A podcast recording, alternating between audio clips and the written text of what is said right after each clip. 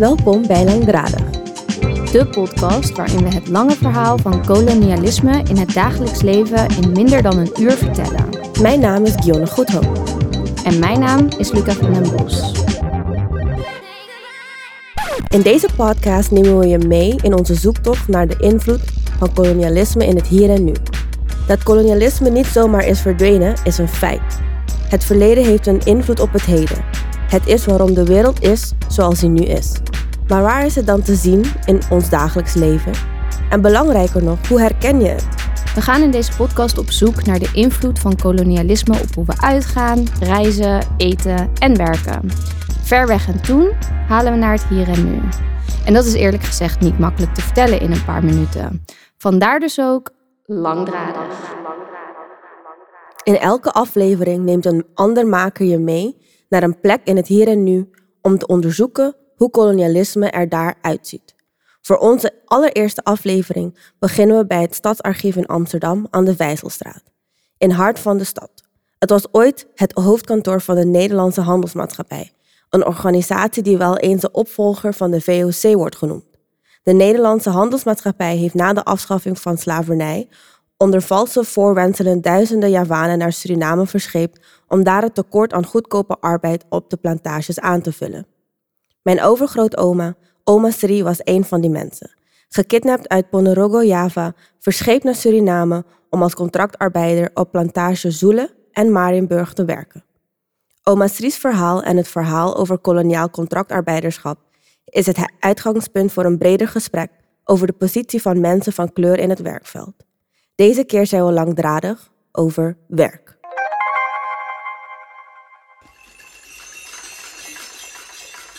Zoals in elke aflevering van de podcastreeks Langdradig beginnen we met de focus op een persoonlijk verhaal. Binnen deze aflevering hebben we het over mijn overgrootoma. Oma Sri. De moeder van mijn opa, de oma van mijn mama. Haar verhaal is één over een Javaanse vrouw die in 1920 naar Suriname tegen haar wil in naar plantage Marienburg werd gebracht om werk te verrichten. Het is een verhaal over kolonialisme en hoe verhalen worden weggewist. Het is een verhaal over mensen die hun lichamen moeten inleveren ten dienste van koloniale gouvernementen. Nadat de afschaffing van de slavernij van Afro-Surinaamse mensen werd ingesteld in 1863, waarna nog tien jaar arbeid moest worden verricht door hen, besefte de Nederlandse overheid dat het zware werk moest worden overgenomen. Hindoestaanse contractarbeiders werden via de Britse overheid als contractant aangenomen en ook vooral uitgebuit. De kleinere groep van Chinese contractarbeiders is een ander voorbeeld van een groep die werd geworven. Waarna in grotere aantallen Javaanse mensen ook werden ingezet. Hier maakte mijn oma Sri deel uit van. Met de SS Karimun 2 werd ze verscheept vanuit Lawang Sewu op Java naar Suriname, via Zuid-Afrika. Op 23 december 1919 maakte ze de overtocht. Ze werd volgens de koloniale archieven gekenmerkt door een litteken op haar knie. Met haar 1,48 meter en haar 15 jonge jaren werkte ze op onder andere suikerplantage Marienburg in district Kommerwijnen. Ze zou nooit meer haar familie op Java zien, maar ze bracht veel helende gewoontes uit Ponorogo met zich mee. Dit verhaal is een verhaal over mijn familie. Het is een verhaal die bij Suriname hoort en het is een verhaal dat bij Nederland hoort. Zonder haar arbeid en van velen als haar zou Nederland nooit zijn uitgegroeid tot een van de machtigste kapitalistische landen ter wereld.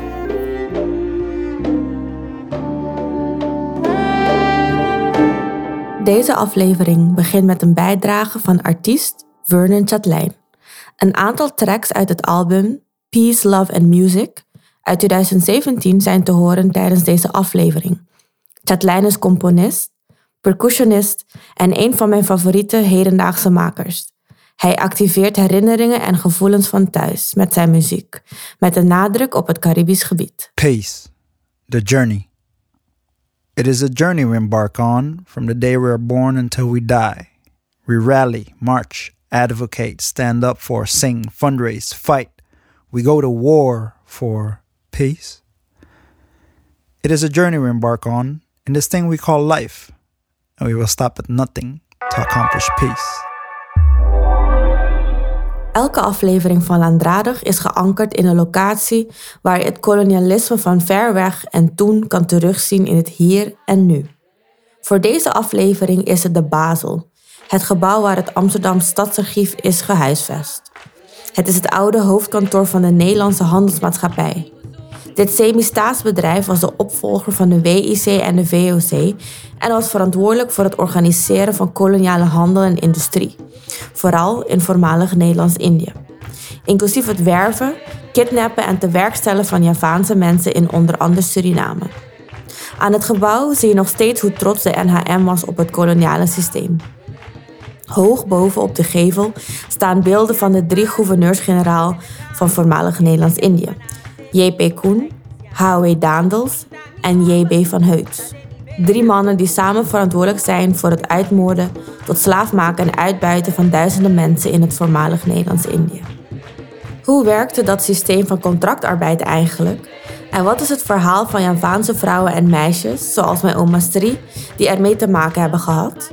Ik heb het daarover met onderzoeker, schrijver en erfgoedspecialist Yvette Kopijn. Zij heeft onder andere Javaanse Surinaamse ouderen die met contractarbeid te maken hebben gehad, geïnterviewd. Zij is ook de oprichter van Tracing Your Roots, een platform waarbij zij jongeren met wortels uit het huidige Indonesisch archipel helpt om hun familiegeschiedenis te onderzoeken door middel van stamboomonderzoek en interviews met familieleden. Onder het motto: Als je weet waar je vandaan komt, weet je ook beter wie je bent en wie je nog wilt worden.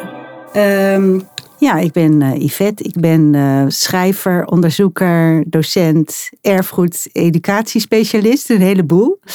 Um, ik uh, schrijf sinds jaar en dag een proefschrift over Surinaams-Javaanse vrouwen. Of beter gezegd, ik probeer via de levensverhalen van drie generaties Surinaams-Javaanse vrouwen, probeer ik de uh, geschiedenis van Surinaamse Javanen te reconstrueren, maar dan wel heel expliciet vanuit een vrouwelijk perspectief.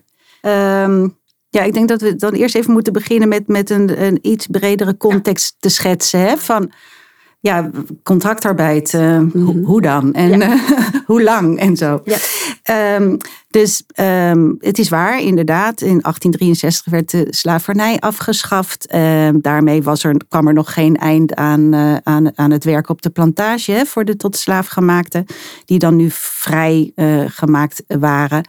Ze moesten nog tien jaar onder staatstoezicht uh, werken tegen een schamelloon en konden dan de plantage verlaten. Er was inderdaad daarna een, een arbeidstekort. Um, ook is daar wel ook nog het een en ander over te zeggen. Maar in ieder geval, uh, men begon met die Britse uh, immigratie. Uh, de, komst, de overkomst van, uh, van Brits-Indische, die, die we nu Hindoestaanse contractarbeiders noemen. dat had één nadeel en dat was het feit dat zij onder ehm, Engels gezag stonden. Dus er kwam, een, een, er kwam daar een, een hooggeplaatst persoon mee die toekeek, erop toe, op toezag dat die contractarbeid wel volgens de regels verliep en uh, dat er geen uitwassen zouden plaatsvinden. Uh, dus uh, dat, dat, dat nadeel werd op een gegeven moment wel best groot gevoeld. Want Hindoestanen, die, de Hindoestaanse contractarbeiders, kwamen ook in opstand. En die lieten zich zeker, ook gesteund door de, de, door de, ja, de steun die ze voelden van, van, van deze man, durfden ze ook meer. Dat waren een, een, Britse consul, ja. Die he, durft dus ook meer van zich te laten horen. En, en, en, en dus ook kenbaar te maken als, het, als ze werden, uh, verkeerd werden behandeld. Uh, tegelijkertijd, als we dan naar de Indische kant uh, kijken. Uh, hebben we het cultuurstelsel gehad. Dat, daar heeft onder andere Multatuli, het heeft er, is het boek over geschreven. Ehm, dat betekende dat de, ja, de, de laaggeplaatste, de meest la, laaggeplaatste laag van de bevolking van deze koloniale samenleving in Nederlands-Indië. Ehm, die moest, als je land had, moest je een vijfde van je opbrengst afstaan ten behoeve van uh, de Nederlanders en uh, de export van, van suiker, van koffie, uh, tabak naar, naar Nederland. Had je geen grond, dan moest je, ik geloof, 66 dagen per jaar gratis arbeid leveren, waar, waar, waarmee dus wegen zijn aangelegd, irrigatiesystemen, et cetera. Nou, tegen die uitbuiting van de Javaanse volksklasse kwam er in Nederland een steeds groter protest van, van dit kan niet, dit, dit zijn uitwassen, dit, dit, dit vinden wij ethisch niet verantwoord. Yvette had het net over uitbuitende vormen van arbeid. Maar als we het hierover hebben, dan hebben we het eigenlijk niet alleen over het verleden. Er zijn genoeg hedendaagse vormen van uitbuiting, zoals de kobaltmijnen in Congo, waar veel mensen hun levens verliezen om kobalt te winnen voor onze elektronica. Ook kunnen we denken aan de omstandigheden waarin onze kleding wordt geproduceerd. Hier zitten ook uitbuitingsfactoren in besloten. Op plekken zoals Bangladesh, Tamil Nadu en verschillende kledingbedrijven in Turkije is er nog altijd sprake van gedwongen arbeid, vaak ook van kinderen. Los van het feit dat vervuiling en overbelasting van water ook factoren zijn waarbij de aarde wordt uitgebuit. Ook dichter bij huis kunnen we vormen van arbeidsuitbuiting vinden. Werkers die in de horeca of schoonmaakindustrie voor hele lage lonen zichzelf uitsloven in ongezonde werkomgevingen. Denk maar aan de stakingen die nu plaatsvinden op Schiphol of openbaar vervoer hier in Nederland. Dat heeft allemaal te maken met uitbuitende vormen van arbeid. Nou, uiteindelijk werd dat dan uh, vervangen door een, een, een ethische politiek. Uh, dat was rond de eeuwwisseling, begin 20e eeuw, eind 19e eeuw. Um, en die ethische politiek die was er in dit geval opgericht om mens, de Javaanse bevolking welvaart te, te brengen. Er was, he, je, moet je voorstellen, dat cultuurstelsel had de Javaanse bevolking zo ongelooflijk uitgebuit. Dat er enorme verpaupering van de, van, van de bevolking was. Er waren, waren hongersnoten geweest, sommige oogsten waren mislukt. Uh, mensen liepen verpauperd, uh, landloos rond over het eiland, zwierven, hele grote groepen. Uh, ja, eh, dus er was een groot probleem. Die, dat, dat, dat, de nood moest gelenigd worden. Nou, ethische politiek stoelde op drie zaken: uh, uh, irrigatie, educatie en emigratie. Dus daar, daar hebben we de Javaanse migratie uh, te pakken. Irrigatie was dus echt van oké, we willen eigenlijk het land open, gaan openen voor particuliere initiatieven. Dus de, de NHM uh, eh, had, had in uh, Indië een grote rol gehad. Ook in het cultuurstelsel waren zij degene die de belasting bijvoorbeeld inden mm. bij de bevolking. Ehm, ze, ze bezaten in, in, in, in Suriname al de plantage Marienburg, Marienburg ja. sinds 1882. Uh, noodlijdende uh, plantage maar opgekocht en uh, ja, meteen uh, doorontwikkeld tot een van de meest moderne plantages, in ieder geval in, in Suriname, maar uiteindelijk ook een van de grootste in, in, in de wereld geworden.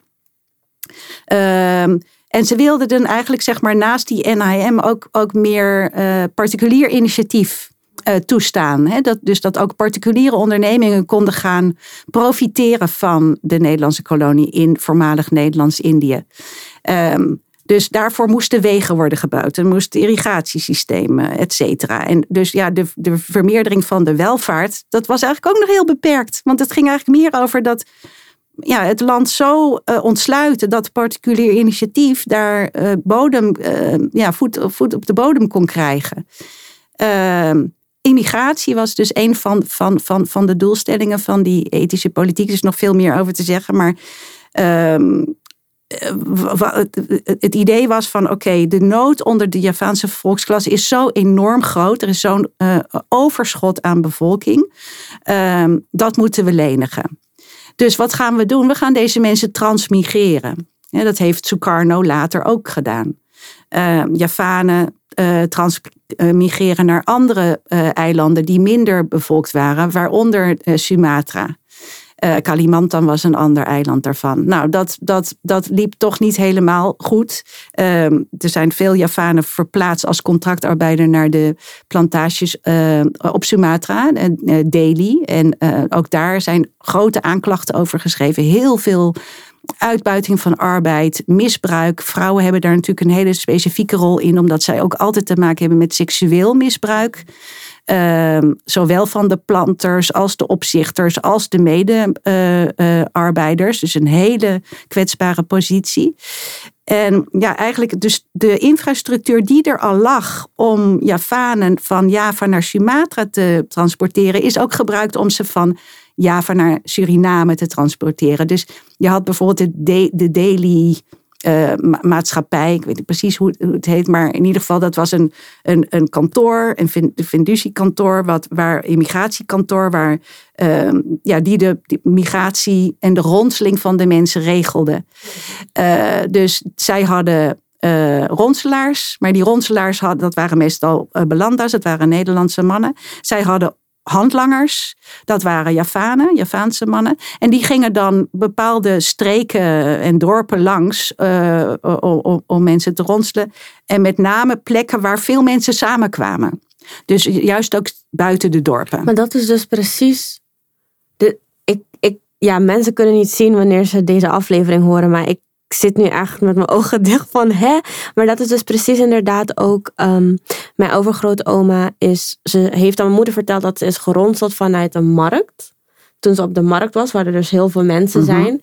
En dat er witte Nederlandse mannen, maar ook volgens mij twee Javaanse mannen. Eigenlijk precies de situatie die jij ja, nu schetst. die ik schets, hè? Ja. ja.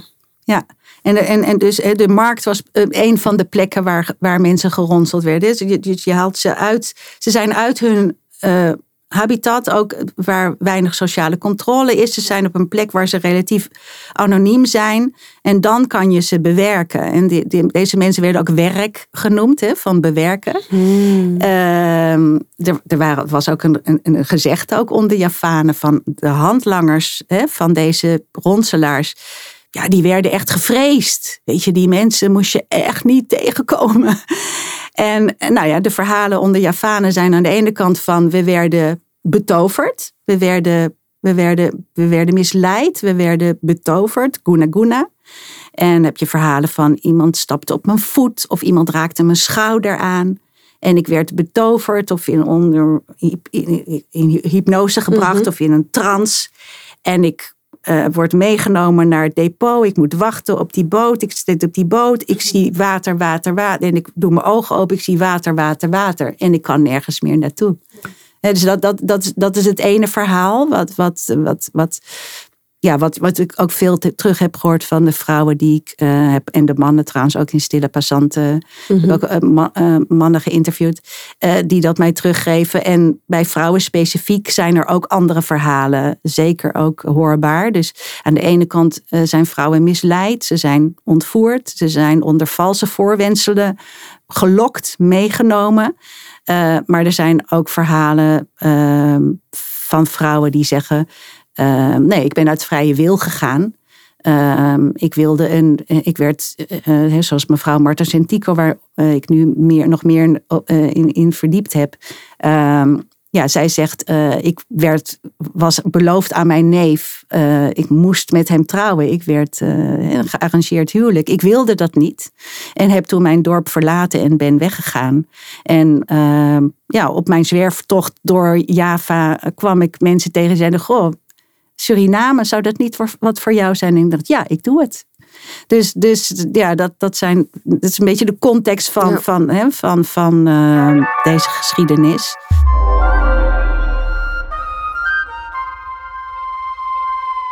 Uh, als jij zegt uh, de Nederlandse handelsmaatschappij. Ehm, ja, wat ik zeg, zij hebben eigenlijk een, een, na de teleurgang van de VOC hebben zij een hele grote rol gespeeld uh, uh, op, uh, in voormalig Nederlands-Indië. Ze waren dus inderdaad dus diegene die de belasting ook inde bij de mensen. Ehm, het cultuurstelsel moeten we ook niet vergeten, maakte heel erg gebruik ook van de infrastructuur zoals die op Java er al lag. Hmm. we hadden een een, een Javaanse aristocratie. Mhm. En dan, dan had je heel lang niks. En dan had je de, de, de verpauperde uh, bevolking waar, waar, waaruit de Surinaamse Javanen ja. uh, voortkomen. Hè? En die, die bovenklasse, die aristocratische, of de vorsten en de vorstenhuizen. Ehm, die hadden natuurlijk een, ook een, uh, al, al uh, een, een, aantal eeuwen lang een feodaal stelsel. Waarin ze dus ook de boeren op hun manier ook uitbuiten. Dus de, de Nederlanders hebben heel goed gebruik gemaakt van de, ja, van de cultuur en de infrastructuur die daar al lag om, om de mensen nog meer uit te buiten. En, en dat ging dan ook met een verdeel en heers en echt ook ja, dat pappen en nat houden. Ja. Van, Ik geef die vorsten gewoon een voor, bepaalde voordelen en privileges op zo'n manier dat zij zichzelf ook kunnen verrijken aan de uitbuiting van de Javaanse boeren.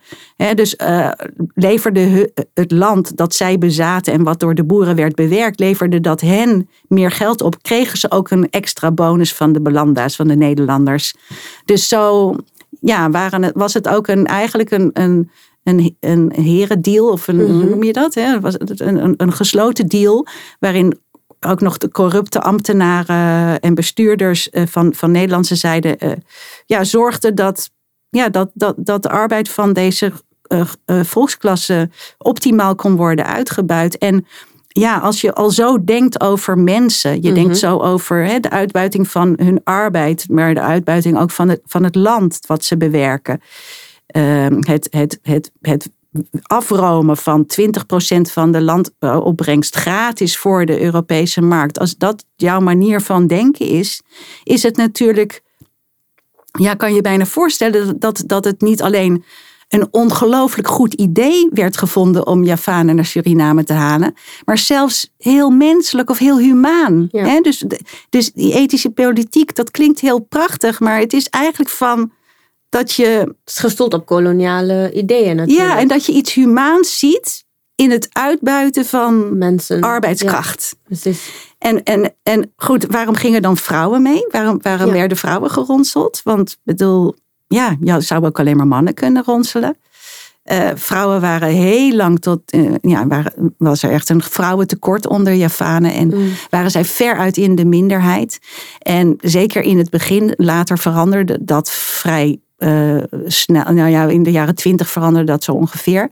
Uh, maar zeker tot aan de jaren twintig, dus de eerste dertig jaar van deze migratie. Een, een, van de, een van de voornaamste redenen dat vrouwen überhaupt werden geronseld, was eigenlijk om te zorgen dat dat mannelijke arbeidsleger uh, in toom werd gehouden. En hoe doe je dat? Door de seksualiteit van deze mannen, uh, om daar, door daarin te voorzien.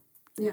En, en, en nou ja, dat, dat, dat, um, daar schrijf ik over in mijn proefschrift.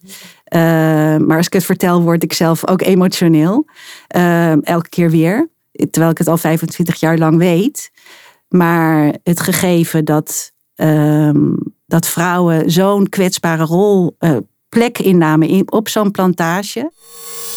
Luisterend naar Yvette kreeg ik een dieper besef van de enorme geschiedenis die is verweven met zoveel generaties in Nederland, Suriname en de huidige politiek beladen geografische plek dat Indonesië wordt genoemd. Mijn oma Sri heeft voor een groot gedeelte ook mijn moeder opgevoed, die mij weer heeft grootgebracht.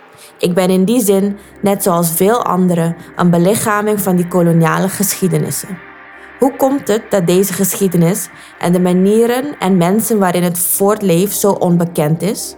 Zeker wanneer die geschiedenis zo zichtbaar wordt verheerlijkt op de gevels van grote gebouwen, zoals het oude hoofdkantoor van de NHM. In Rotterdam is er ook zo'n oud kantoor van de NHM, dat nu nog steeds een belangrijke rol vervult op het gebied van arbeid en handel. De Rotterdamse Kamer van Koophandel. De KVK is in de 19e eeuw opgericht als Instituut van Handelsregistratie. Een ander belangrijk instituut dat opgericht was om de Nederlandse koloniale economie binnen en buiten de grenzen te optimaliseren. De NHM heeft dus eigenlijk twee prominente gebouwen in twee van de grootste steden van Nederland achtergelaten. Het is zichtbaar in gebouwen, maar tegelijkertijd uh, verzwijgen we het ook. Hè? Dus er is Um, ja, je hebt uh, zoiets als Indisch zwijgen, hè, wat, wat verbonden is aan de groep waar ik uit voortkom. Uh, wij worden altijd geassocieerd met de zwijgende, met de zwijgende groep nieuwkomers in Nederland. Uh, bedoel, ja, we kwamen in, direct na de Tweede Wereldoorlog, dus een van de eerste waar dan beleid op werd losgelaten. Maar tegelijkertijd is er, dat Indisch zwijgen is natuurlijk zeer complex. Want je, als, als nooit iemand luistert naar jouw verhaal omdat ze er gewoon niet in geïnteresseerd zijn, leer je vanzelf wel te zwijgen. Dat is één. En, en, en twee is dat ik toch ook heel duidelijk een Nederlands zwijgen zie. Mhm. Ik zie een heel groot Nederlands zwijgen. Waar- waarom, is het, waarom is het zo dat wij anno 2022 eh, nog steeds niet leren op school dat er Javanen ook in Suriname wonen. En dat de Nederlanders daar toch direct bij betrokken waren. Hè? Dus als ik, ik begin ook zo mijn proefschrift. Als je. ehm, als, als eh, eh, de Nederlanders er niet waren geweest om op het idee te komen om deze groep ehm, eh, vanuit ethisch oogpunt, humaan oogpunt, eh, in hun ogen dan, hè, van, van Java naar Suriname te verplaatsen, dan had die hele geschiedenis niet eens een aanvang genomen. Dus als er, als er een geschiedenis, een gedeelde geschiedenis is, dan is het wel van Surinaamse Javanen. Of Javaanse Surinamers, precies eh, hoe mensen zich eh, identificeren. Maar we moeten het erover hebben. En, en dat, dat, dat is één ding. En, en twee, nog een, een aanvulling op jou. Ehm, als we het dan hebben over uitbuiting van arbeid, zou ik er toch ook heel erg voor willen pleiten dat we toch kijken naar, ja, wat is arbeid dan? Weet je wel? Hoe definiëren we dat? En wat, wat zien wij als arbeid en wat zien wij niet meer als arbeid? En zeker als je dat bekijkt vanuit een genderperspectief. Ik ben natuurlijk ook ehm, ja, grootgebracht, ehm, opgeleid door vrouwen als Francis Gouda, als ehm eh, Roosmarijn Hufte, eh, nu de hu- huidige eh, bijzonder hoogleraar eh, Surinaams geschiedenis van 1873, eh, 1873. Gloria Wekker, een ongelooflijk belangrijke wetenschapper voor mij, eh, een van mijn promotoren geweest. Eh, dus als we vanuit intersectioneel eh, oogpunt kijken naar wat arbeid is, en we kijken vanuit een genderperspectief daarnaar, moeten we denk ik toch ook kijken van of we het begrip van arbeid, of we daar in onze horizon ook niet kunnen eh, eh, verbreden. Als je het hebt over Javaanse vrouwen, ze werden voor, eh, voor, voor twee zaken ingezet. Eén is, wat ik net, net ook zei, van ze werden ingezet om de, de Javaanse mannelijke contractanten in toom te houden. Om te zorgen dat het rustig was op dit plantage. Dat het, weet je wel, ehm, dat ze in ieder geval in hun seksuele behoeften konden voorzien. Ehm, dat gaf ze natuurlijk ook een zeldzaamheidswaarde, hè, by the way. Eh, eh, dus ze konden ook dat stuk konden ze ook naar hun eigen voordeel. ehm, eh, konden ze ook ja, kijken of ze dat ook in hun eigen voordeel konden laten werken. Ehm, dus als er een andere partner zich aanmeldde die economisch beter was, ja, dan, dan kon het ook voorkomen dat mensen gewoon van partner wisselden. Eh, het kwam ook voor dat vrouwen meerdere mannelijke partners tegelijkertijd had. Maar in ieder geval, ehm, eh, dus seksuele arbeid is voor mij ook arbeid. zeker. Dat is ook arbeid. En eh, twee, waar, waar Javaanse vrouwen ook voor zijn ingezet, eh, vrij snel, toen al bleek van, ja, maar als je een te groot eh, vrouwentekort hebt, dan krijg je ook, krijg je ook problemen. Ook on- onrust onder de mannen. Ze gaan er eh, om dobbelen, ze gaan er om vechten, ze, eh, om die vrouwen. Dus daar moet toch iets gelenigd worden. En dus in de jaren twintig werden ze juist weer, werden vrouwen juist ingezet om, voor, om hun reproductieve arbeid En dat is echt vrouwen als En- een commodity. als een commodity. En dan, en dan worden vrouwen, dus eh, in het begin komen er allerlei stereotype beelden, reizen eigenlijk mee van Java naar Suriname, omtrent Surinaams-Javaanse vrouwen. Nou, eh, over bekend eh, voor sommige mensen, want ook in andere bevolkingsgroepen golden dit soort stereotypen, ook onder, onder de Afro-Surinaamse vrouwen bijvoorbeeld. Hè.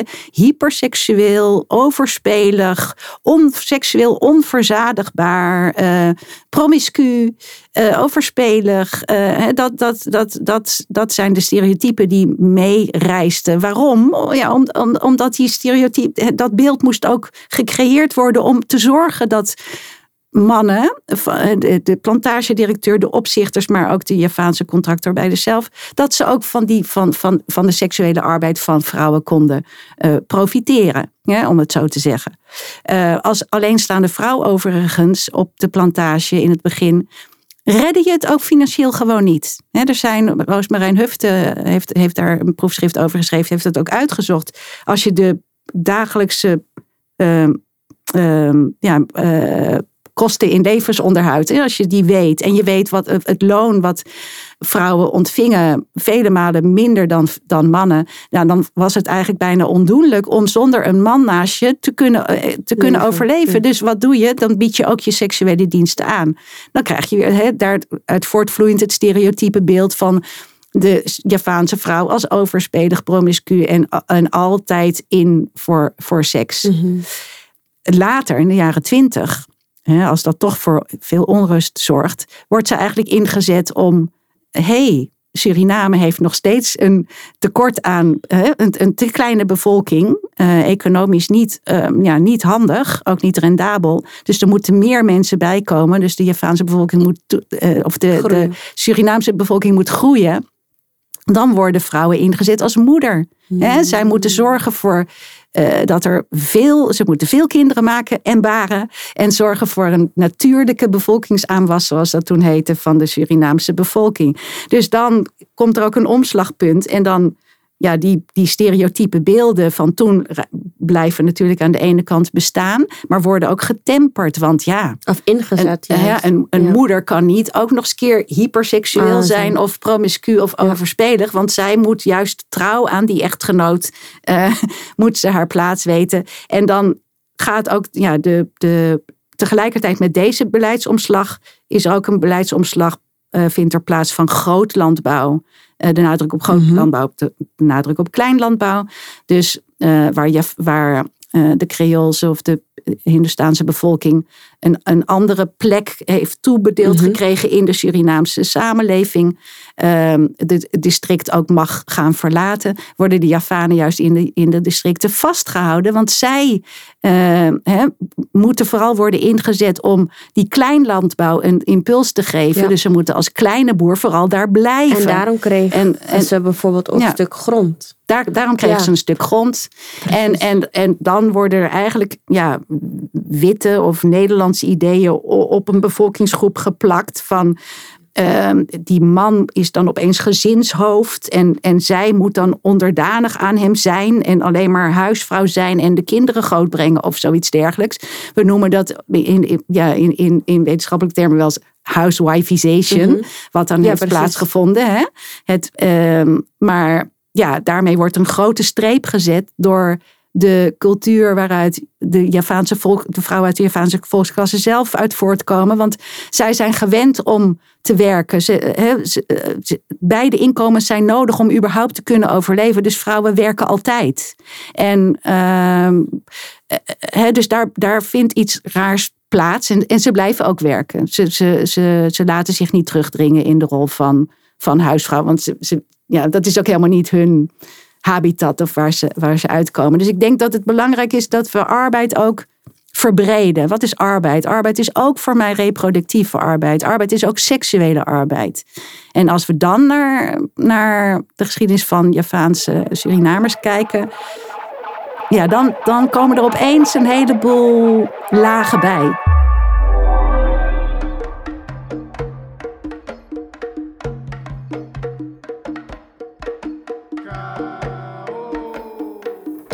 Tijdens het gesprek met Yvette net hebben we het gehad over de historische context en alle lagen van uitbuiting van onder andere Javaanse arbeidsmigranten. Ook zijn we even ingegaan op huidige infrastructuren die deze erfenissen van gereguleerde arbeidstoestanden opslaan, bijvoorbeeld de voormalige NHM en de huidige KVK. Nu gaan we een gesprek aan met Sahar Noor. Zij werkt bij BNN Vara waarbij we het gaan hebben over de mogelijkheden van herstel van deze koloniale dynamieken. Maar kan dat eigenlijk wel?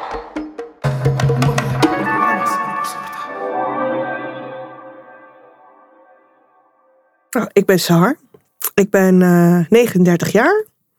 Ik uh, werk momenteel bij BNNVARA als manager diversiteit en inclusie.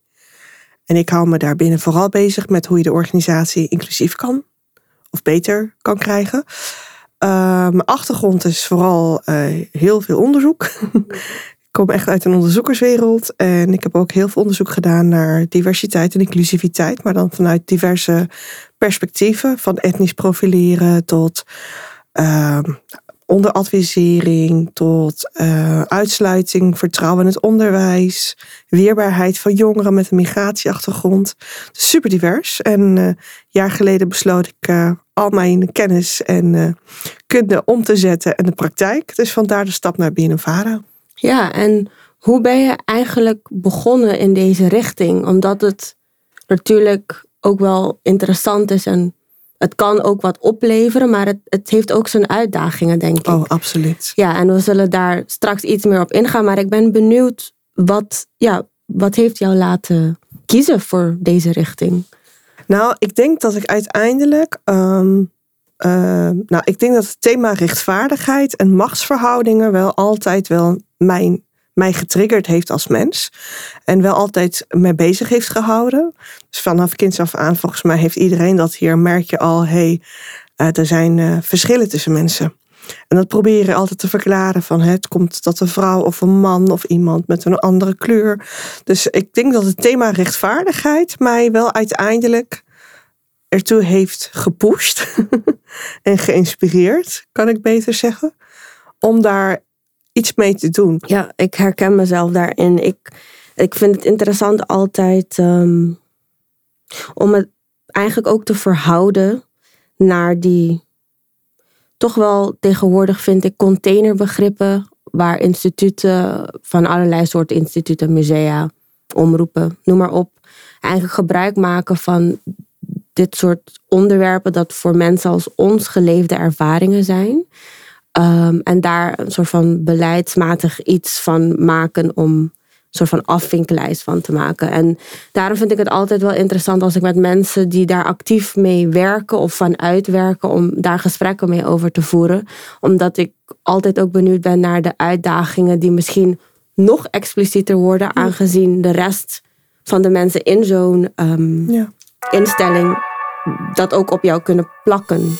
Um, we zitten vandaag hier samen omdat we de aflevering die we vandaag gaan opnemen voor um, de reeks uh, van de podcast. En de, deze aflevering, waar ik de redacteur in die zin voor ben, um, gaat over noties van arbeid, productiviteit. Hoe kijken we daarnaar? En eigenlijk ook de onderliggende onderdrukkingsmechanismes. En we zijn nu aangekomen op het deel binnen de podcast waar we het gaan hebben over visie van herstel.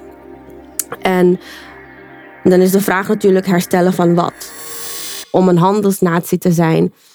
Uh, en als we kijken naar de geschiedenis, dan gaat het over uh, arbeidsuitbuiting van verschillende mensen.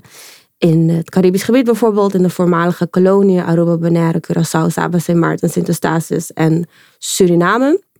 En dan heb je het ook over uh, het huidige Indonesisch archipel, uh, waar al de verschillende eilanden, waaronder Java, onder vallen. En dat is eigenlijk de context een beetje waar ik uh, in mijn persoonlijk verhaal wat dieper op inga.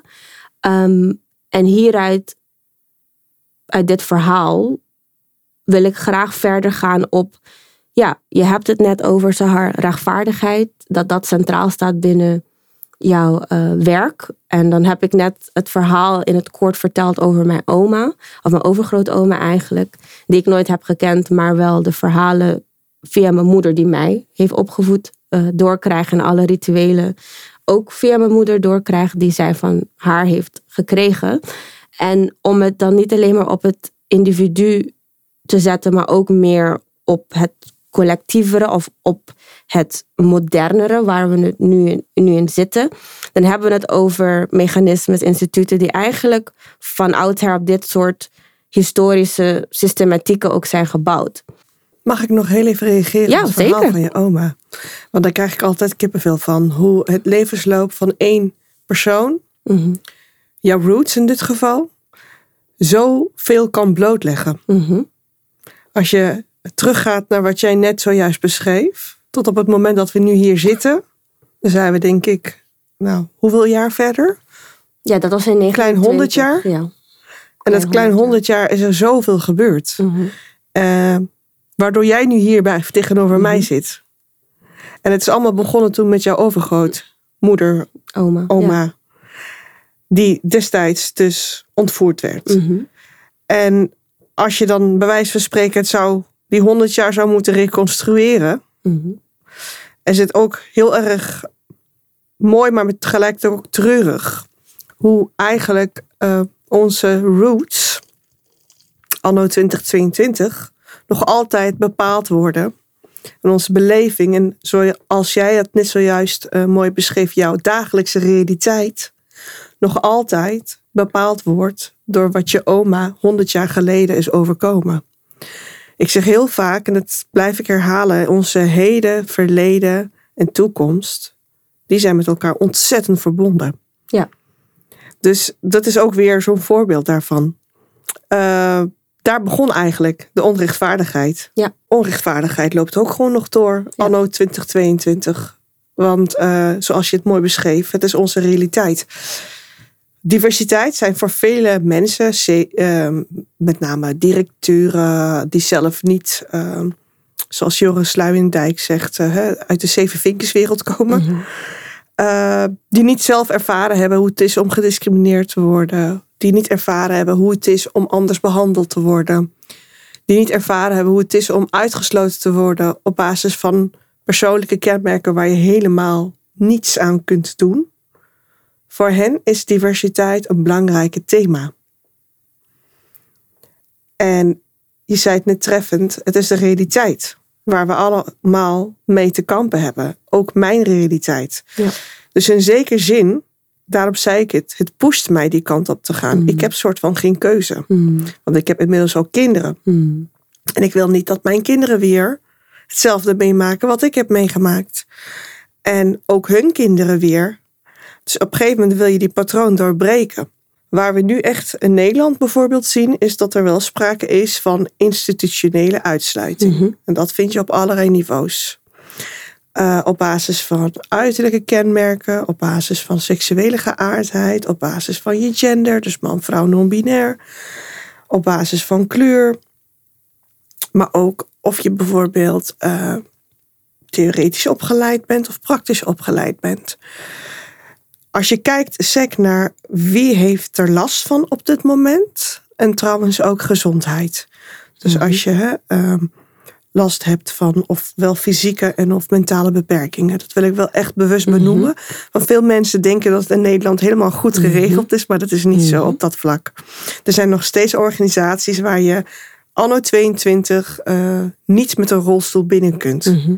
Dus het is niet, de samenleving is ingericht voor mensen met een beperking. Maar als je sec kijkt op dit moment van hè, wie heeft er eh, het vaakst statistisch last van. En komt daarmee bijvoorbeeld met klachten bij het College van de Mensenrechten. Dan zie je vaak toch wel dat het mensen zijn met een migratieachtergrond. Eigenlijk alle vier type mensen die hier nu aan tafel zitten. Mhm. Wij hebben het vaakste last van. Eh, ik ben een stapelaar. Dat wil zeggen dat ik van onderop moest keihard studeren om uiteindelijk te kunnen promoveren. Mhm. Ik was niet het gymnasiumkind die vervolgens door kon naar een promotietraject. Nee, ik begon met eh, onderin. Eigenlijk op mijn twaalfde, elfde. Dus als je kijkt dat ik een stapelaar ben, dan eh, zal waarschijnlijk iemand die daar totaal geen kennis van heeft en dat ook niet ervaren heeft, ook niet in de directe omgeving, denken: Oh, die heeft er heel lang over haar studies gedaan. Of die heeft er heel lang over gedaan om daar te komen. Afgekeurd. Maar als iemand die daar zelf ook wel weet van heeft, die dat ervaren heeft, of misschien mensen kent die dat ervaren hebben, die zal denken: dat is iemand die keihard gewerkt heeft en die heeft getoond dat hij kan incasseren. Ja. En dat die door is gegaan, ondanks uitsluitingsmechanismen. En ik denk dat dat het cruciale verschil is, wat je eigenlijk pas ziet als je bepaalde dingen of ervaren hebt. Het gaat dus veel verder dan bewustwording. Dus als je het hebt over hoe pak je onrechtvaardigheid, discriminatie in de, eh, in, met name op de werkvloer aan, dan heb je veel meer nodig dan alleen bewustwording. Ja, Dat ik- is eigenlijk stap nul. als ik breder kijk weer naar deze aflevering en wat je allemaal met ons net hebt gedeeld, dan het woord dat bij me ook heel erg is blijven hangen, wat wij alle vier in die zin aan tafel hier ook kennen. En ik denk heel van de mensen die naar de podcastserie gaan luisteren, is het woord ook uitsluitingsmechanismen. En dat, dat is het ook. Het is een mechanisme. En ehm, voor mij is het heel belangrijk om dat ook te benadrukken. En daarom denk ik ook, als ik dit gesprek nu voer uh, en nadenk ook over het onderdeel van herstel, dan moeten we kunnen bespreken dat het mechanismes zijn die in, niet alleen in ons zijn, in ons denken, wat je net eigenlijk heel goed hebt, uh, een voorbeeld van hebt gegeven, wat jij ook hebt gezien en hebt onderzocht, maar dat het ook zit in alles van hoe dingen georganiseerd zijn. En met dingen bedoel ik van educatie, van uh, uh, journalistiek tot aan de arbeidsmarkt, wat je ook net zei. hoe neem je mensen aan? Waar baseer je dat op? Uitsluitingsmechanismes, die bepaalde genders, de validistische samenleving waarin wij leven, wat je aangaf ook van mensen met een beperking die op bepaalde plekken niet ja, te werk kunnen of binnen kunnen komen of mee kunnen gaan met mensen die dat niet hebben. En dan ga ik toch ook weer terug inderdaad op wat je ook zei. En als ik denk aan deze aflevering van die mechanismes die heel erg geworteld zijn in die koloniale structuren. En mensen denken heel vaak dat dat iets is, als je het hebt over de slavernij, of als je het hebt over koloniën, of als je het hebt over alles wat te maken heeft met het verleden, wat ik heel vaak voel in Nederland, dan zeggen mensen meestal of van, oh eindelijk iemand waar ik het mee over kan hebben, of oh, maar dat is toch zo lang geleden. Uh, je gaf heel veel voorbeelden hoe uitsluitingsmechanismes nog steeds gebeuren, maar dat heeft heel veel uh, uh, roots, zeg maar, in deze historische, ja, koloniale tijdperk, waarbij patriarchaal, de man wit bepaalde um, en heel veel macht had. En als je dat linea recta doortrekt in wat heel veel uh, problematiek, wat voor problematiek omhoog komt en hoe uitsluitingsmechanismes vaak um, worden geduid door verschillende mensen in de samenleving, is dat mensen ook zien dat vooral uh, witte middle-aged, meestal mannen, de hoge posities hebben. Dus dan zou ik persoonlijk gaan nadenken over, oh, maar ik zie dat in het verleden, op een hele, in een andere context, maar op dezelfde type posities. En ik zie dat nu nog steeds. Dus wat is daar inderdaad die connectie van? Kijk, we weten uit wetenschappelijk onderzoek dat ons brein nou eenmaal wel zo is uh, uh, laat ik zo zeggen, je brein bestaat uit twee systemen. Mhm. Ik noem het maar systeem 1 en 2. Dus ook uh, op basis van onderzoek. En dan kan ik ook allemaal naar literatuur verwijzen. Is niet nodig. Systeem 1 werkt gewoon heel associatief. Mhm. Dus die wil heel snel bepaalde koppelingen maken.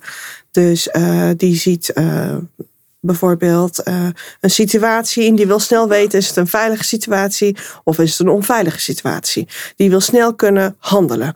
Dat komt een beetje uit onze oerinstinct, zeg maar. Uh, dat je snel gevaar mm-hmm. en uh, veiligheid kan herkennen.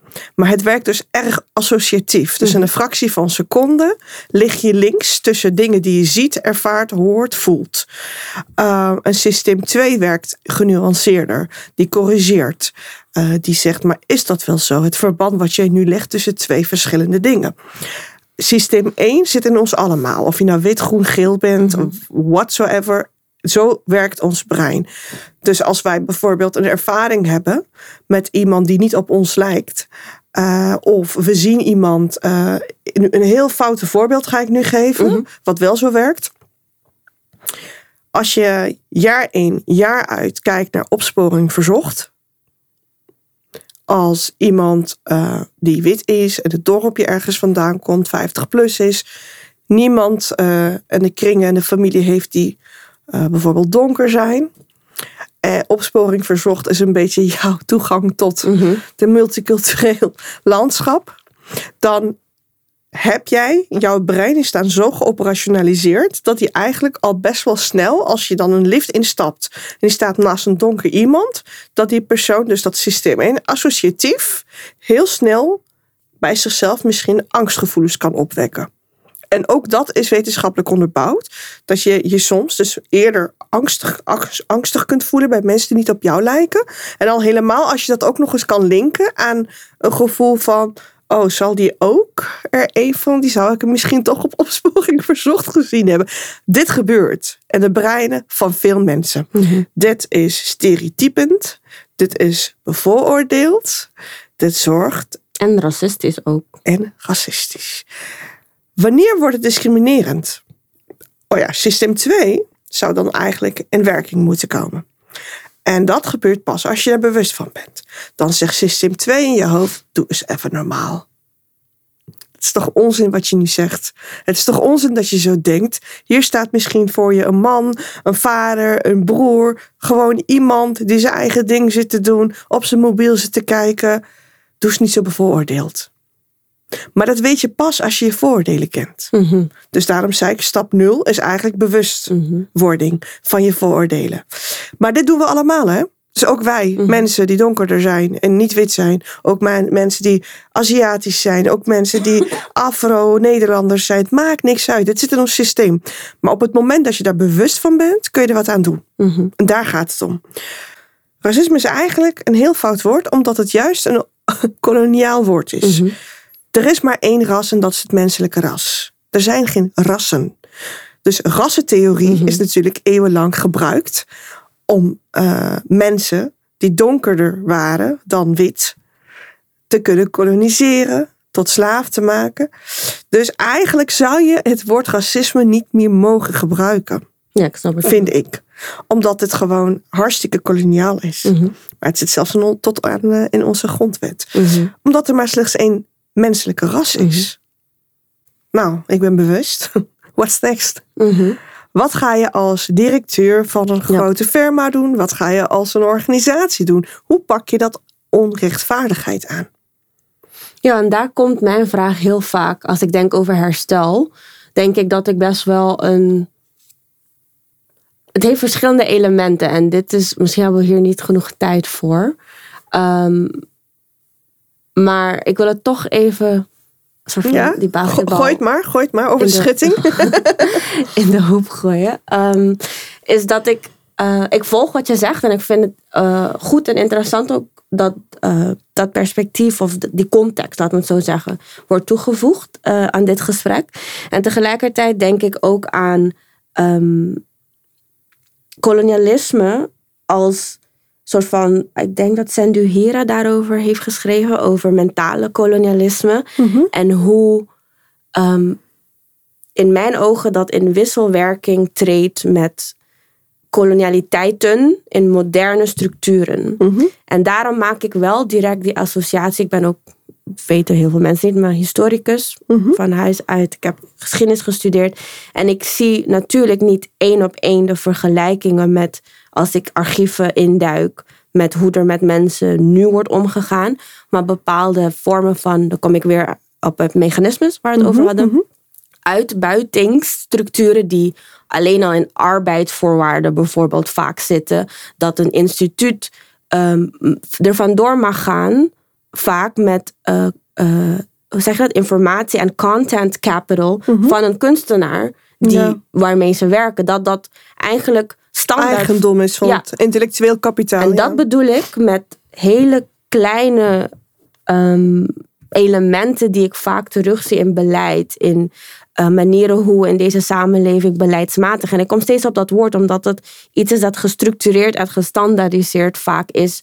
eh, van hoe teksten worden geschreven binnen educatie tot aan hoe arbeidsvoorwaarden bijvoorbeeld worden gedaan. En ik ben zelf ook ZZP'er, dus ik zie dat vaak terug. Dat als ik dat niet goed lees, dat ik zie dat ik heel veel van mijn eigendom, om het even maar zo te zeggen, wat ik kon brengen bij een instituut in dit geval, kan worden meegenomen door het Ja. instituut. En dan moet ik ook nadenken over. Dus nu ben ik gewoon heel erg aan het nadenken, hardop aan het nadenken naar wat je zei.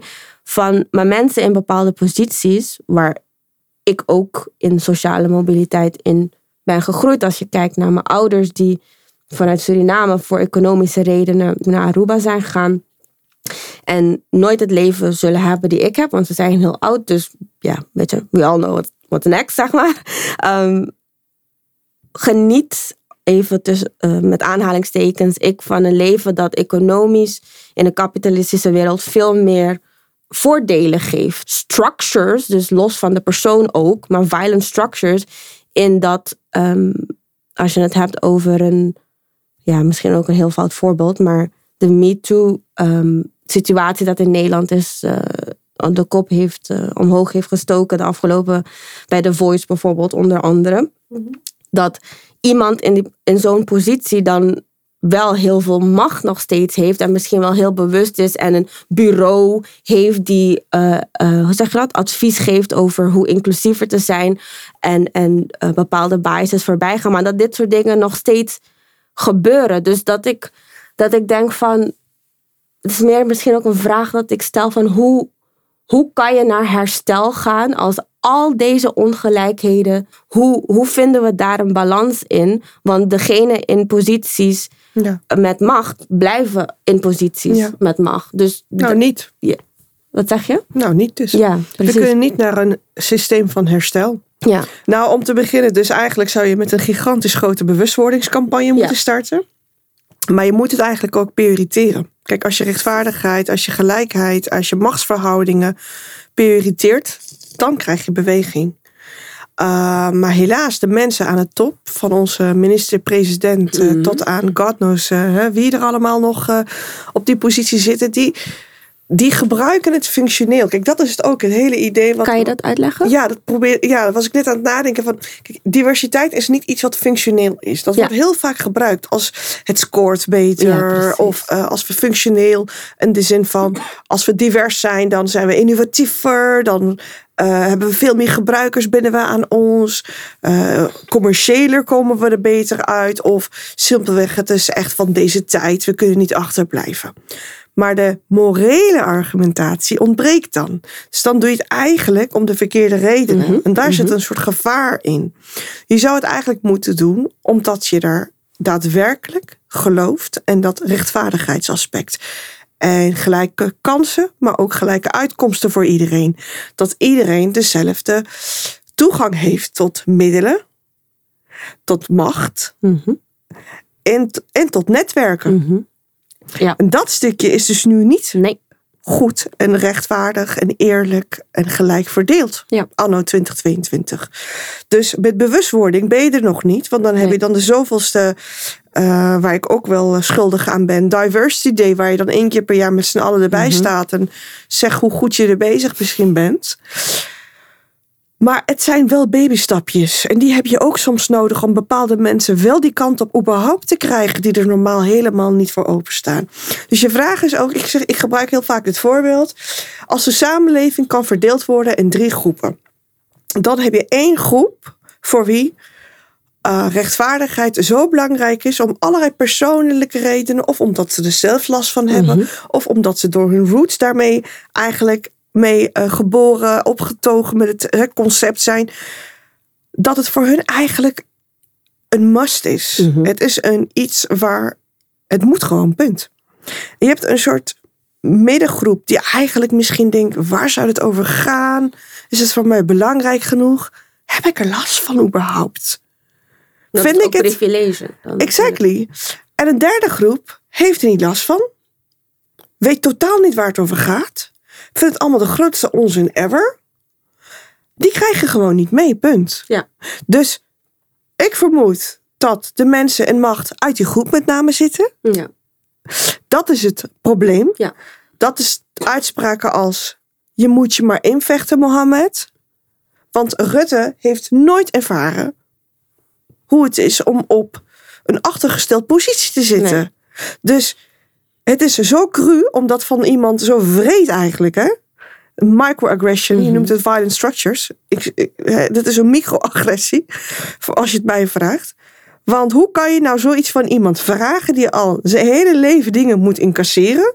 Omwille van zijn voornaam, omwille van zijn roots, omwille van zijn religie. En iets wat je nooit hebt hoeven doen. Hoe kan je dat van anderen eisen? Ja.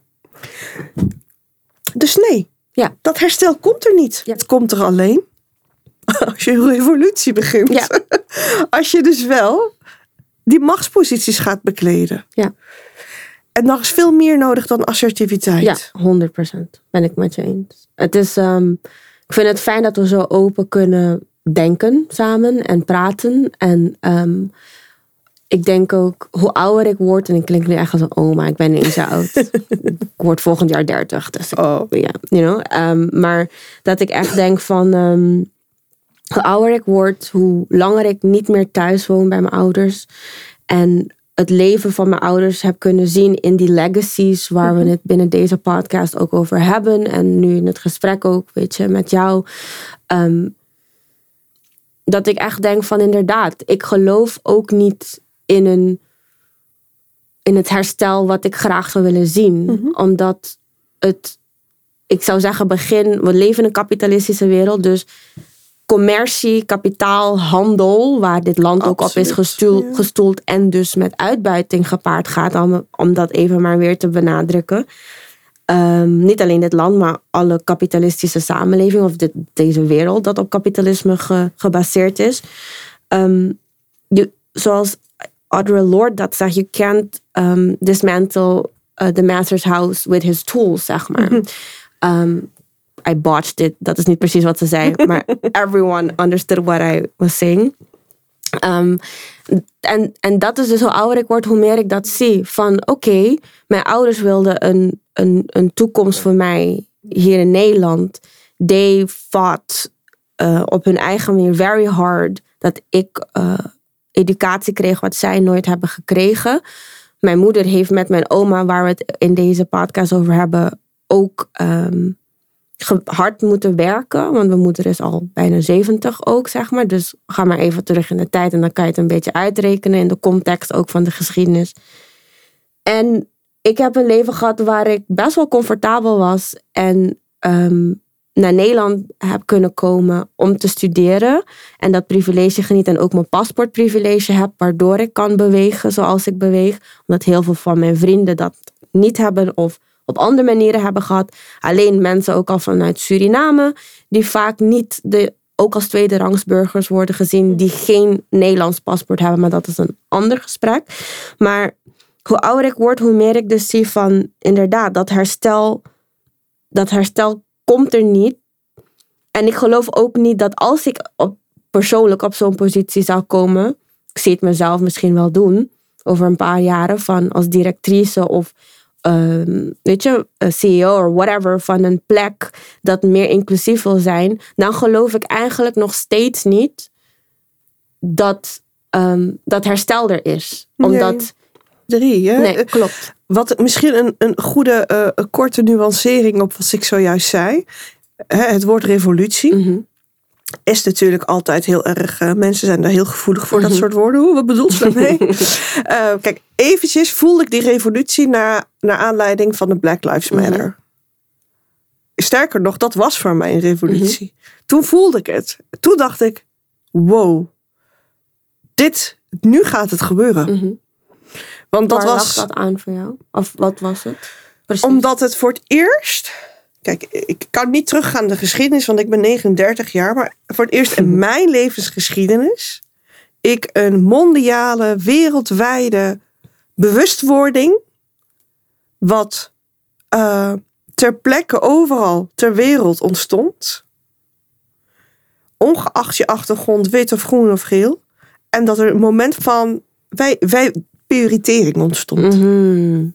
Okay. En dat bedoel ik met revolutiemoment, was dat voor mij toen. Dat ik dacht van, nu gaat het gebeuren. Als je dat doortrekt, de afgelopen, nou dat was alweer drie jaar terug vermoed ik bijna. Afgelopen drie jaar zijn er zoveel vacatures die naai ontstaan, hè, mm -hmm. die er niet waren. Ja. Dus ik zie het ook wel terug op allerlei niveaus. Mhm. Mm -hmm. Mensen maken dingen mee, mensen worden bewust van onrecht, van eigenlijk van woede en boosheid. Mm -hmm. En kijk, en dat is wel een dingetje. Boosheid en woede voel je wanneer je onrecht is aangedaan. Mm -hmm. Of wanneer je onrecht ervaart. Als je niet onrecht hebt ervaard, dan voel je die woede en de boosheid niet. Ja. Want, ja. Mm -hmm. En dan, dat is voor ons mensen die dat wel voelen, de motor van onze activisme. Ja. Dus ik weet niet of jij nog de, wat ten laatste wilde zeggen? Ja, één zin. Mm -hmm. De ander zien zoals hij zelf gezien wil worden. Hmm. Dat is het. Dat is de eerste stap. En herstel. ja, dankjewel. Jij ook bedankt. Oké. Als we het hebben over herstel, dan hebben we het niet alleen over financieel herstel. Vormen van herstel kunnen verschillende gedaantes aannemen. Kan ook bijvoorbeeld een teruggave van burgerrechten en politieke rechten betekenen, fysieke revalidatie, het verlenen van toegang tot land, huisvesting, gezondheidszorg of onderwijs. In Nederland het gesprek over herstel voor historische en huidige vormen van koloniale relaties amper gevoerd. We hebben tijdens dit podcastgesprek over vormen van uitbreid gehad. Maar voelt het bredere gesprek over ware herstelsituaties in publieke ruimtes ver? Want excuses door een minister-president voor het koloniaal verleden heeft weinig waarde wanneer verschillende groepen mensen met koloniale banden op financieel, emotioneel en spiritueel vlak in de maatschappij systemisch ongelijke kansen krijgen.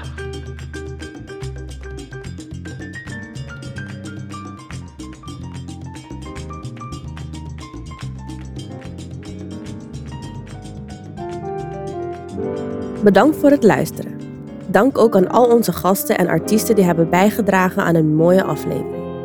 Deze podcast is gemaakt door Luca van den Bos, Chihiro Geuzenbroek, Dionne Goedhoop, Nathan Kofi en Hodan Warselen. Langdradig is geproduceerd in samenwerking met het Tropenmuseum in het kader van de tentoonstelling Onze koloniale erfenis.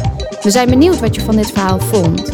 Laat het ons weten door ons een berichtje te sturen op Instagram of Facebook op het Tropenmuseum of via de mail op podcastlangdradig.gmail.com. Alle links vind je ook in de beschrijving.